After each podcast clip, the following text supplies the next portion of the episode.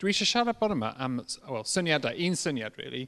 So mae lot o bobl enwog, enwog, dy benderfynu be, pa beth o pethau ti'n licio, rhai bobl um, enwog, ddim yn siŵr os da chi'n gwybod pwy ydy nhw, hefo bob un ohonyn nhw, oedd ganddyn nhw syniad sydd wedi newid y byd. Da ni'n dechrau ar chwith fanna, da chi'n gwybod pwy ydy fo? Einstein, yeah. Fel arfer, dwi, da ni'n weld uh, Einstein efo gwallt llwyd sy'n sort of like, uh, mynd bob man. But yna, dyna lle oedd yn edrych fel pan oedd y ifanc, And mae Einstein wedi dod i fyny hefo lot o syniadau. Enwog, theory of relativity, uh, probably prif peth. And then os da ni'n symud ymlaen, person yn top, da ni'n gwybod pwy di fo, uh, hefo barf mawr. Yeah, Karl Marx, yeah, yeah. So mae Karl Marx dod i fyny hefo syniadau, you know, communism probably, di un sy'n mwy enwog. And then, os da ni'n symud ymlaen i'r top ar y dde, mae hwn yn mwy anodd, so like, bonus points os mae rhywun yn gwybod pwy. Di, dwi wedi cael llun hefo'r pa fath o... Yeah, Copernicus. Yeah. So, yeah. So mae'n y clyw, dwi jyst ti'n meddwl tipyn bach mwy yn haws i pawb, mae'n y clyw, cys ti'n gallu weld be mae'n sgwennu, jyst i roi yr hael yn canol, like solar system, dwi'n siŵr beth yn Gymraeg, solar system, um, so oedd hyn y person really gynta, I suppose, i meddwl am hwn. Os da ni'n mynd lawr i'r canol yn y gwylod, y dyn heb a lot o gwall, Charles Darwin, ie, yeah. so mae fod i dod i fyny hefo'r um, theory of evolution, Ac ar y dde yn y gwylod, yr un ola, Isaac Newton, ie, yeah, da'n gos da chi'n dda. Wel, da da iawn pawb, ie. Yeah. Uh, Isaac Newton, mae Isaac Newton dod i fyny hefo'r um, sort of laws of motion. Um, yeah. So dwi'n, I mean, um, dwi'n wrth y modd gyda nhw, yn does, does ddim amser bod yma i siarad amdano nhw, cos actually, da ni ddim yma bod yma i meddwl am um, bobl um, gwirionaeth, bore yma, gobeithio, da chi gyd yma i clywed mwy am, am Iesu. so, dyna pwynt dwi eisiau canolbwynt pa'r i dyna pwynt dwi'n um, canolbwynt siab ar bore yma. So, just, um, just meddwl, os, os aeth chi allan i'r dre, neu hyd yn oed capel arall, neu just, os, os ydych chi'n meddwl am be di prif syniad Iesu. Na, mae'n ffordd, ti'n mynd gallu deud hwn, because actually mae Iesu siarad lot o pethau, ac um, um, mae'n bosib i um, yeah, mae'n ma, n, ma n deud lot o bethau. Um, but os oedd chi'n meddwl, beth i prif sort of syniad? Actually, mae'n ma, ma anodd. Um, na, mae rhai o bobl, efallai bobl di-Christian, yn meddwl actually, um, bod neges Iesu oedd rhaid ni jyst yn bod yn nice sy'n gilydd. Ie, yeah, mae Iesu dod fel dyn, dweud, oh, you know, beth sy'n bwysig? Dwi just trio bod yn nice at sy'n gilydd, ie? Yeah? Um, so dyna'r un, un syniad. Um, Neu ti'n ti clywed bobl sy'n sort of deud, o, oh, mae ysdi dod i'r byd jyst er mwyn um, sort of roi tocyn i ni so da ni'n gallu mynd i nefoedd. Yeah? So it's like, o, oh, dyna ni, dyna tocyn, right, ti'n sorted o wan, ti'n gallu mynd i nefoedd, syml iawn. Okay? Dyna rhai bobl yn meddwl fel yna. Dwi'n sort of neud caricature, but ti'n sort of deall y pwynt. Neu rhai bobl yn meddwl, oh, mae Iesu jyst yn dod, jyst i sortio problemau fi allan, yeah? jyst i sortio uh, unrhyw beth um, uh, unrhyw problems gen i.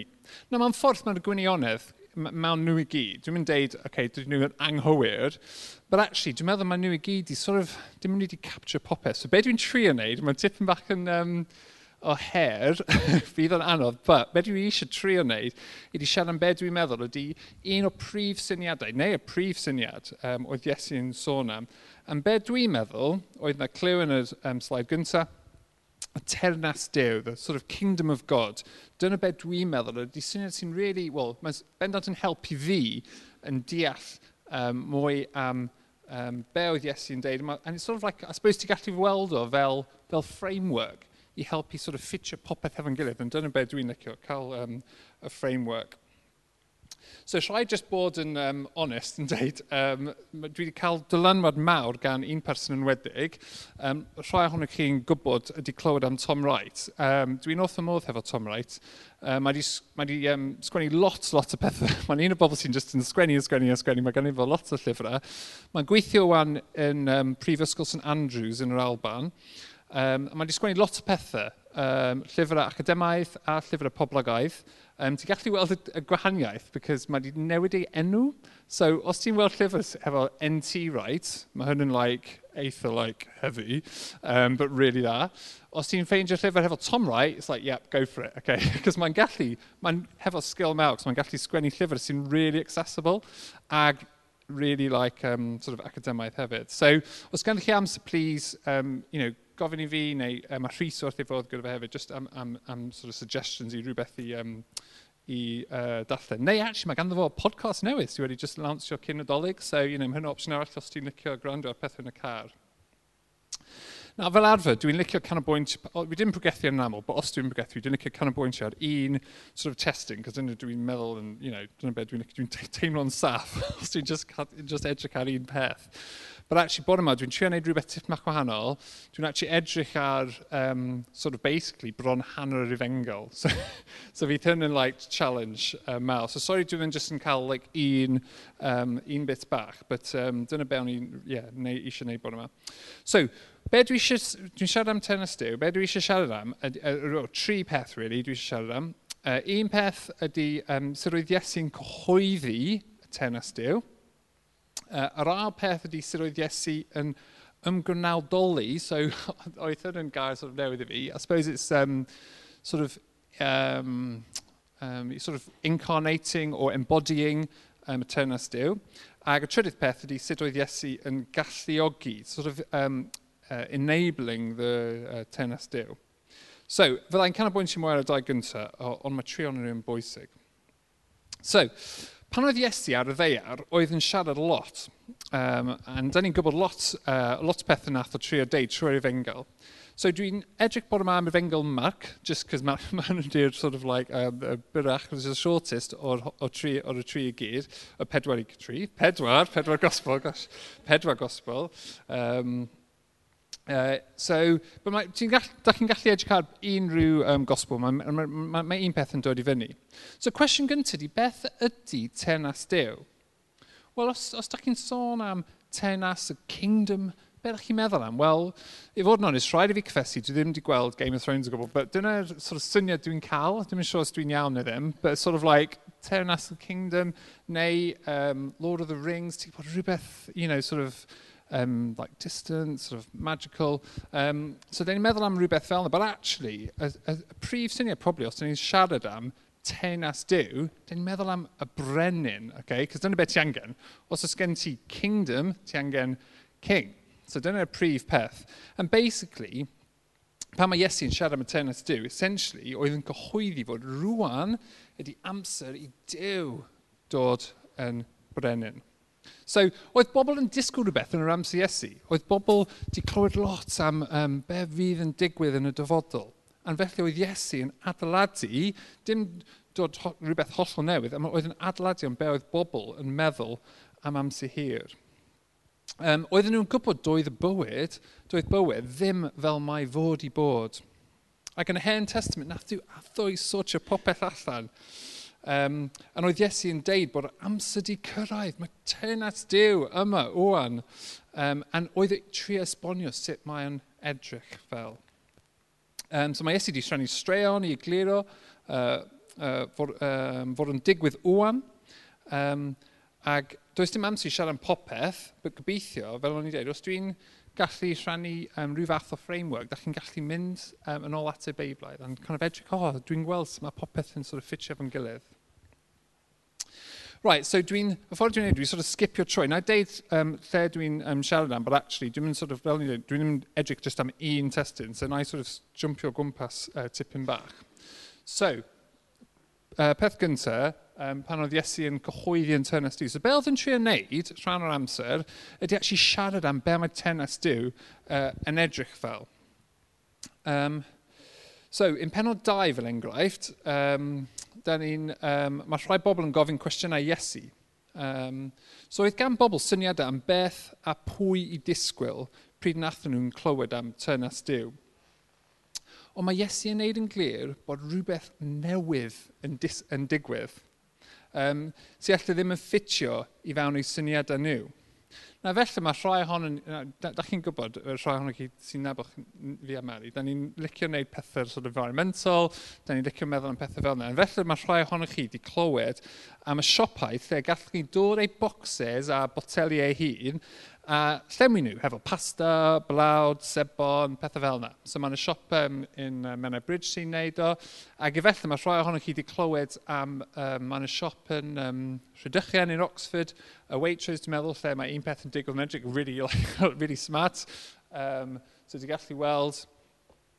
But actually, peth o'n un, pan nes i gweld y stori ar y, um, anrweddion, y peth sy'n wedi synwi fi, ti'n ti gallu mynd uh, a cael um, gwyn a cwrw hefyd. Cos like, ti'n gallu weld, mae'n deud wine on tap, beer on tap. So dim just, dim just yn dod, dim just yn mynd i cael um, pasta ag um, uh, sebon a pethau fel yna. Da chi'n actually gallu cael um, Dim eisiau sut mae gweithio, but yn rhyw ffordd, ti'n gallu mynd um, rhyw botel a cael gwyn a, a cwrw hefyd. So mae hynny'n obviously uh, you know, rhywbeth really dda. But actually, dydy hyn ddim yn newydd mewn ffordd. I mean, actually, um, cyn yr um, 20th century, basically, dwi'n meddwl, basically, dyna be oedd bob pawb yn neud um, trwy'r amser. A oedd yn bendant yn wir yn amser um, Iesu, um, doedd bobl ddim jyst yn defnyddio, defnyddio peth unwaith. Actually, ti'n gallu weld, dim yn edrych quite fel sort of Waitrose smart, but actually, ar y, uh, ar y dde, uh, ti'n gallu weld, dyna be oedd yn de defnyddio. Rhywbeth i um, rhoi yr um, gwyn i fel. So, oedden nhw'n defnyddio crwyn, um, gafr, neu rhywbeth, dim yn swnio'n neis, i roi gwyn fel um, rwy'n um, like a sort of goat skin on rhywbeth, but actually dyna be oedden nhw'n defnyddio. And be oedd Iesu eisiau deud ydy, actually, um, well, ffordd mae'n digwydd, apparently, cos dwi ddim yn expert, but apparently, os ti'n ti cael hen wineskin, ti'n trio roed gwyn newydd tu fawn, actually fydd ddim yn gweithio, fydd o'n just yn um, um, splitio. A be oedd Iesu trio deud, oedd yn sôn am y tenas, oedd, oedd eisiau deud, actually, mae rhywbeth newydd yn digwydd, actually, ti'n mynd gallu defnyddio'r hen sort of framework o be oedd ti'n meddwl yn digwydd, actually, mae rhywbeth hollol um, newydd yn, yn digwydd. And dydy o ddim yn gallu ffitio mewn y hen ffoeddau yn meddwl, mae tenas diw yn rhywbeth hollol, wel, mae'n ma just rhywbeth newydd. Ac yr ail peth, so nawn ni skipio ymlaen i penod pedwar, um, a oedd Iesu yn dechrau siarad trwy um, demegau, um, sort of the parables. Um, ac um, mae demegau di straeon sydd ddim sy'n dangos mwy am sut fydd tenas. So, mae rhai ohonyn nhw'n cyfarwydd i, i, i, i, i, um, i bobl, but um, os da ni'n edrych ar y um, hadau sy'n ar y um, chwith fanna, um, dyna be mae um, hada um, mustard yn edrych fel apparently. Jyst trust your Google, I mean, dwi ddim actually di weld un in, like, you know, real life, but dyna apparently be maen nhw'n edrych fel. And apparently, dwi, felly mae hyn yn anghywir, cos dwi just di tipio fewn i Google, and roedd a e lot of images wahanol, but apparently, ar y dde, dyna be mae'n tyfu i fewn. Um, and actually, da chi'n gallu weld, mae'n ma rhywbeth really, um, really mawr. And be oedd Iesu trio deud, actually, mae, you know, oedd yn trio esbonio sut mae tynas uh, beth sy'n digwydd efo tenas. So, um, mae'n dechrau really, really bach, but actually mae'n tyfu, tyfu, and mae'n just, ma, yn y diwedd fydd o'n um, fawr iawn a mae y deryn yn gallu, um, ti'n gallu weld, mae'n bosib i deryn yn eithaf yn efo, cael cysgod, a be oedd y trio esbonio ydy sut fydd y tenas yn tyfu. Um, ac yn y diwedd, um, fydd, na, uh, fydd y tenas yn cynnig cysgod i'r byd i gyd. Yn dyn ni wedi weld hyn mewn ffordd, dim yn hollol, bod da ni wedi weld dros yr um, blynyddoedd ers Iesu uh, a ddeiar, um, da ni wedi weld y tenas yn tyfu yn tyfu. Ac, and, um, and pryd um, mae Iesu yn brenin dros popeth yn y dyfodol pryd mae'n dod yn ôl, um, fyddwn ni'n weld hwn yn cael ei sort of, um, well, fulfilled. Right, so um, na ni symud ymlaen i um, trydydd peth, uh, crefydd a rheolau. So, oedd yna lot o um, rheolau o gwmpas yn yr amser Iesu. Um, a hwn ydy, dwi'n licio hwn, cos mae'n infographics yn dyna beth dwi'n neud tipyn bach efo gwaith, meddwl am city i representio stuff. So oedd hyn yn trio esbonio, dwi'n mynd yn efo wwan, um, mae'n ma, dangos o kind of pa fath o bwyd mae'n bosib i bitter neu ddim, os ti'n kosher neu halal, neu um, sort of lot o reolau, mae'n really gymleth. And basically, be oedd Iesu eisiau dod i deud ydy, actually, dim ots, really, be da chi'n bita, be sy'n mynd i fewn, be sy'n really bwysig, mae'n sôn am yn penod saith, ydy be actually sy'n dod allan, okay? allan o'r ceg. So oedd yn trio esbonio sut mae tenas newydd um, yn edrych fel. Um, a oedd yn newid y ffordd oedd bobl yn meddwl am pethau. So nath y cyfafod gyda'r um, gwraig, um, hefyd yn um, penod saith, y gwraig o Syro Phoenicia, rhywun hollol um, anisgwyl. Um, and oedd bobl, oedd bobl um, like the sort of um, uh, arweinydd um, crefyddol yn meddwl, actually, be, be ydych chi'n neud yn, yn siarad gyda hi? Dyd hi ddim, you know, person da ni'n disgwyl ti siarad, actually, bod Iesu'n really trio newid y ffwrdd um, oedd bobl yn um, meddwl. So, yes, so pet, uh, pwynt gyntaf, oedd Iesu'n cyhoeddi ternas Dew. Okay, oedd yn siarad amdano fo, trio esbonio um, be oedd yn edrych fel. Right, yr ail peth dwi eisiau dwi eisiau just um, siarad am ydy uh, ffaith bod um, Iesu di ymgnawdoli. So to sort of, um, yeah, fel ni'n siŵr dweud, sort of embody, um, incarnate um, y tenas Dyw. So, yn fion, felly da chi wedi clywed, um, dim necessarily American Cymru, but da ni'n cael um, prif wynidog newydd, uh, sort of new uh, Prime Minister yn wlad ni, and wwan, da ni'n ni clywed lot am be maen nhw'n addo wneud. So, it's like, maen nhw'n siarad lot, maen nhw'n, you know, fydden ni'n clywed, dwi'n siŵr, lot o'r um, promises am be maen nhw eisiau wneud, a be fydd yn digwydd. A'n gobeithio, os maen nhw'n siarad am pethau da, gobeithio fydden nhw'n actually yn wneud be maen nhw'n addo wneud. But y, y gwahaniaeth hefo Iesu, oedd Iesu'n mynd allan, yn dim jyst yn sôn am, o, oh, dwi'n meddwl fas o hwn yn syniad da, neu fas o hwn yn syniad da, but actually, pan mae, mae Iesu actually um, di byw bywyd um, sy'n hollol um, lined up hefo be oedd yn siarad am. Um, and da ni'n gallu weld um, ffordd uh, mae Iesu wedi byw bywyd. Nath o dangos power dros natur, nath o iachau bobl sy'n efo bob math o salwch, um, ac nath o dangos um, tos, um, tosturi dros bobl o bob fath. So, da ni'n weld gyntaf, um, just try o'r, um, mae'n lot o um, examples, but da ni'n just weld rhywbeth fel um, apparently again, dwi'n sort of trustio'r uh, Google, but apparently mae hyn ydi um, Sea of Galilee, felly ddim yn siŵr. But anyway, pwynt yw, da chi'n gallu weld mae'n y storm yn digwydd ac um, dim yn edrych yn, um, yn nice.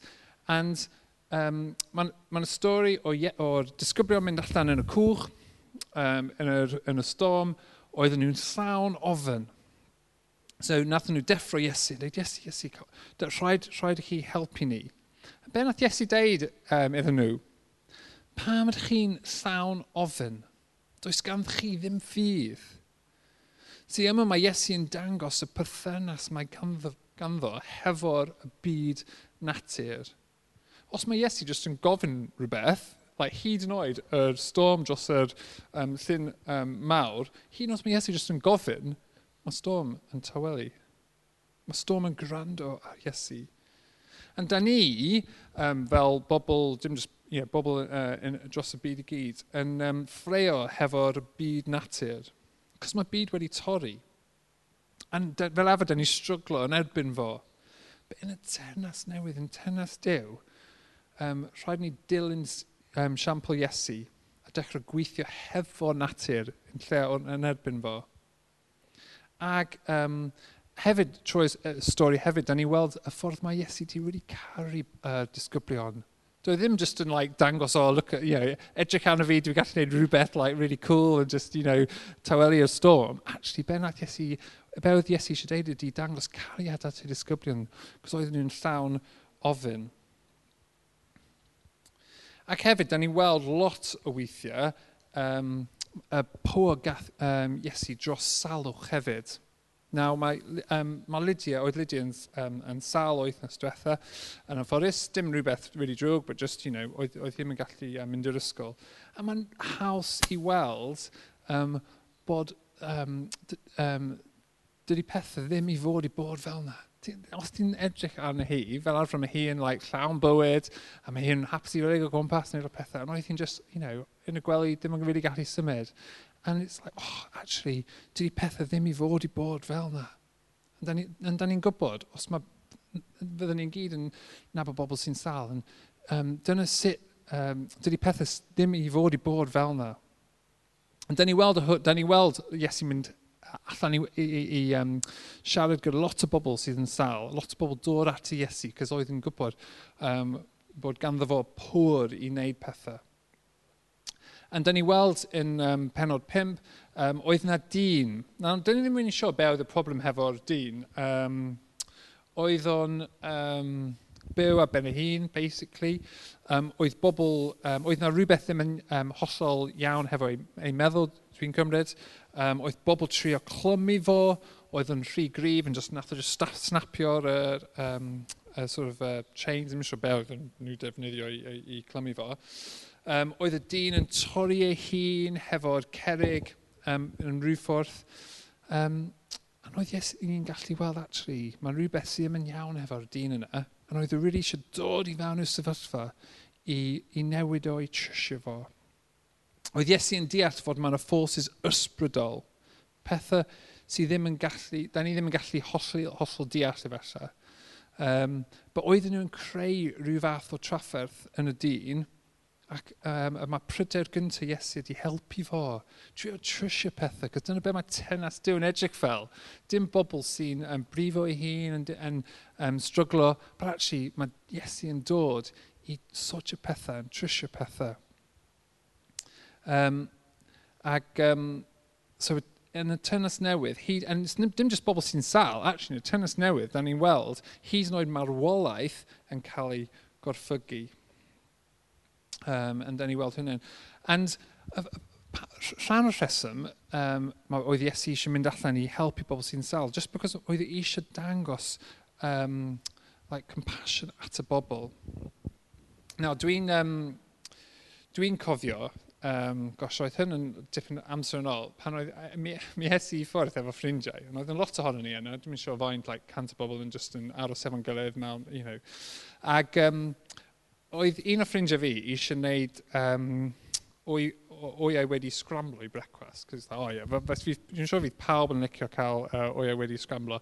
So mae di, dwi'n siŵr faint o o'iau mae di cael. I mean, like, os ti'n eisiau bwydo like, lot o bobl, then probably, ie, yeah, dwi'n cofio, basically, oedd yna pan mawr iawn hefo'r, um, just, dim eisiau faint o oiau a llefrith yn pethau. Ond oedd yn just yn um, studio nhw, and just, it was like, but actually oedd amser yn bron i pawb cael brecwast. It was like, you know, dim eisiau pam so oedd ni'n bit yn 9 o'clock neu beth. Oedd pawb yn just, you know, and it was like, oh gosh, mae'n like 5 munud i fynd. And oedd yn dal pot mawr mawr o'r... Um, um, oiau, just, but dim um, wedi scrambler, just dal yn like, you know, liquid basically.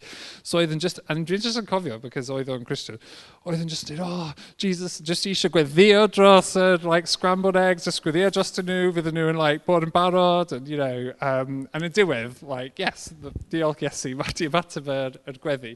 Um, but y pwynt yw, mae'n actually really anodd i like, bwyd lot o bobl. Um, and de, but then i weld Iesu, hefo dim just, I mean, you know, dwi'n gallu cofio faint o bobl oedd um, gyda ni, but um, dim just sort of like cant o bobl, but actually oedd Iesu um, hefo'r um, 5,000 o dynion, probably, o dyna be dwi'n cymryd, um, so probably um, 10,000 i gyd o bobl, mae hynny'n lot, ac doedd ddim digon o bwyd iddyn nhw. Yn be oedd prif prydau Iesu? Di e actually, gosh, Mae bobl angen bwyd. So, actually, be oedd eisiau deud ydi, oedd eisiau dangos um, tosteri at nhw. Did, actually, dwi really eisiau bwyd yn nhw. So, yes, i ddim just trio neud trick um, hyd, just i kind of bod yn impressive. Actually, oedd e really eisiau, oedd yn arwydd o'r creadigaeth Iesu. Oedd Iesu yn byw, dim jyst yn siarad, dim jyst yn cyhoeddi tenas di, oedd Iesu yn byw fel mae tenas, um, well, fel da ni fod i bod, fel da ni fod i byw, oedd yn dangos tosteri a power um, a sut um, nhw i fod yn gweithio gyda'n gilydd. And mae Iesu wedi rhoi yr un pwr i ni. Da ni'n hefo'r ysbryd sy'n byw ynddo ni. Da ni'n gallu neud, neud, neud yr, un, yr un un peth. Mae Iesu'n disgwyl ni, dangos tosteri i pobl. Mae Iesu'n yn, yn, yn disgwyl i ni um, dangos cariad i bobl, iachau bobl, cael powr dros... You know, mae'n un un peth, ddim just, o, oh, mae Iesu di gadael, and then mae popeth jyst yn stopio. Na, mae Iesu'n... You know, da ni'n rhan o'r tenas Dyw, mae Iesu'n yn disgwyl um, yr un peth digwydd um, wwan, mae ysbryd ynddo ni, yn da ni'n... Mae Iesu'n disgwyl ni trwsio pethau sydd wedi um, torri.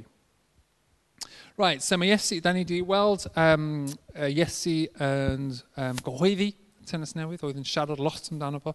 Da, da ni wedi weld um, Iesu yn um, um, sort of Dwi'n cofio yr enw, gosh, mae, uh, be oedd y gair? Um, ym gwnawdoli tennis diw hefyd, oedd yn byw yn y ffordd newydd hefyd. But dim just hyn, dim just i um, siarad amdano fo, dim just i byw fel yna. Cos actually, os, os oedd yn just yn um, siarad a byw fel yna, it's like, oh, mae di mynd o'n, so gallwn ni trio sort of dilyn yr esiampl, but actually um, that oedd hyn yn like dwy fil blynedd yn ôl, actually mae Iesu ddim, ddim di gorffen yna. Actually, oedd Iesu yn, oedd Iesu yn galluogi tenas dwi. Um, oedd Iesu yn, um, yn enabled, you know, mae wedi mae dod y tenas newydd. And sut, well actually, rhaid symud ymlaen, so da ni edrych just am y hanner gyntaf o'r efengel, so da ni'n symud ymlaen i'r diwedd um, yr efengel i weld beth nath digwydd. Now, um, bydd hyn yn, yn ddim yn um, rhywbeth hollol newydd um, i ni, but actually, yn y diwedd, uh, mae stori wedi gofyn hefo Iesu um, mynd at y croes. Yn pam? Dim just cos y bobl ddim yn licio fo, but actually, oedd, oedd, oedd, oedd rhaid Iesu marw er mwyn dod uh, tenas newydd.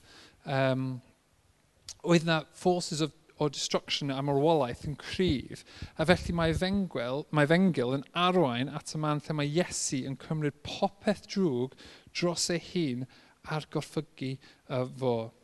Um, so, um, pryd mae Mark yn siarad uh, yn penod um, uh, 15, mae neges yn clir, mae Iesu yn marw fel, fel brenin i ddewon.